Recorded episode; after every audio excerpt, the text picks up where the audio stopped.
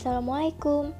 Halo sahabat Sabiru Kembali lagi di Senja Bincang Seru. Sebelumnya, perkenalkan Nama aku Najwa Sabila Mahasiswi Kesehatan Masyarakat Angkatan 2019 Apa kabar sahabat Sabiru semuanya? Semoga sehat selalu ya. Tak terasa ya sahabat Sabiru Sudah berjalan 2 tahun kita hadapi pandemi COVID-19 ini di Indonesia. Kira-kira produktivitas apa aja nih yang sudah sahabat Sabiru hasilkan selama di rumah aja?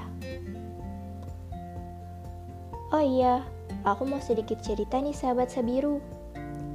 Jadi, terkadang aku sering merasa mengantuk kalau melakukan aktivitas di rumah aja. Apalagi kalau sudah makan. Sahabat Sabiru pernah mengalami hal yang sama nggak ya? Kira-kira kenapa ya kita sering merasa mengantuk setelah makan? Hmm, Oke, kita bahas sedikit yuk. Jadi, berdasarkan Jurnal Kesehatan Masyarakat Nasional volume 7 nomor 3, ternyata rasa kantuk yang kita alami setelah makan itu terjadi karena kita terlalu sering atau banyak mengkonsumsi makanan yang tinggi akan karbohidrat. Jika kita banyak mengkonsumsi karbohidrat, maka konsentrasi triptofan di dalam otak kita akan meningkat. Peningkatan ini akan merangsang hormon serotonin, yaitu hormon yang dapat menyebabkan kita mudah merasa mengantuk. Tidak hanya itu, rasa kantuk juga terjadi dikarenakan tubuh kita kekurangan oksigen. Kurangan oksigen ini juga ada hubungannya dengan asupan makanan kita loh sobat. Jadi, jika kita mengkonsumsi banyak makanan, maka tubuh kita akan lebih banyak menggunakan oksigen untuk mengelolanya.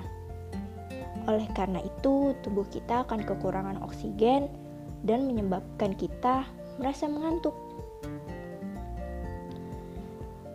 Rasa kantuk kita ini harus kita kelola ya sahabat Sabiru. Karena jika kita tidak mengelolanya dengan baik, kita akan mengalami penyakit kardiovaskular atau narkolepsi. Sebelumnya, kalian sudah nggak asing lagi kan dengan penyakit kardiovaskular? Yap, penyakit kardiovaskular ini berhubungan dengan aliran darah, seperti penyakit jantung dan diabetes mellitus. Jadi, kalau kita sehabis makan langsung tidur, maka kita akan beresiko terkena diabetes mellitus. Kenapa? Karena gula yang berada di dalam makanan tidak terolah dengan baik jika kita tidur, sehingga akan menyebabkan diabetes mellitus. Nah, kalau penyakit narkolepsi, teman-teman sudah tahu belum ya apa itu? Hmm, masih asing ya? Jadi, narkolepsi ini ditandai dengan kita akan mengalami rasa mengantuk yang berlebihan atau hipersomnia. Dan dapat dikatakan kita akan mengalami serangan tidur, yaitu kita dapat tidur seketika tanpa sadar di dalam aktivitas apa pun dan di mana pun loh sobat. Bahaya banget kan? Yap, sangat berbahaya. Apalagi kalau kita lagi melakukan aktivitas memasak atau menyetir. Bahaya banget kan kalau kita tiba-tiba tertidur. Oke sahabat Sabiru, jadi untuk menanggulangi hal tersebut, kita bisa melakukan banyak cara nih. Pertama, sahabat Sabiru harus memiliki pola tidur dan pola makan yang baik, sehingga tubuh kita tetap terjaga. Pola makan yang baik itu tidak semuanya karbohidrat, tetapi seimbang. Oleh karena itu, jangan tinggalkan buah dan sayur ya. Yang kedua, jangan lupakan untuk melakukan aktivitas fisik, walaupun di rumah aja. Karena banyak juga loh aktivitas fisik yang bisa kita lakukan walaupun di rumah aja.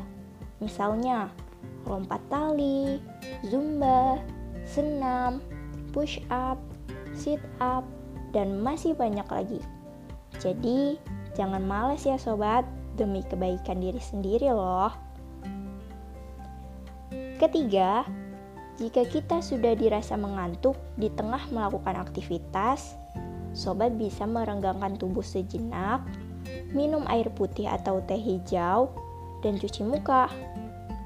Kalau aku biasanya udah sediain botol minum nih di meja belajar atau meja kerja. Jadi kalau udah ngerasa ngantuk pas dengerin perkuliahan, langsung deh minum air putih dan melakukan perenggangan sedikit. Kalau sahabat Sabiru, apa nih yang biasa dilakukan? Semoga tidak selalu meminum kopi ya, karena terlalu banyak kafein tidak baik juga loh untuk tubuh. Oke, mungkin sekian dulu ya sharing-sharingnya. Jika ada kekurangan dan kesalahan, mohon dimaafkan. Sampai jumpa di Sabiru berikutnya.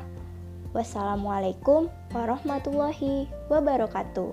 Salam senja semua.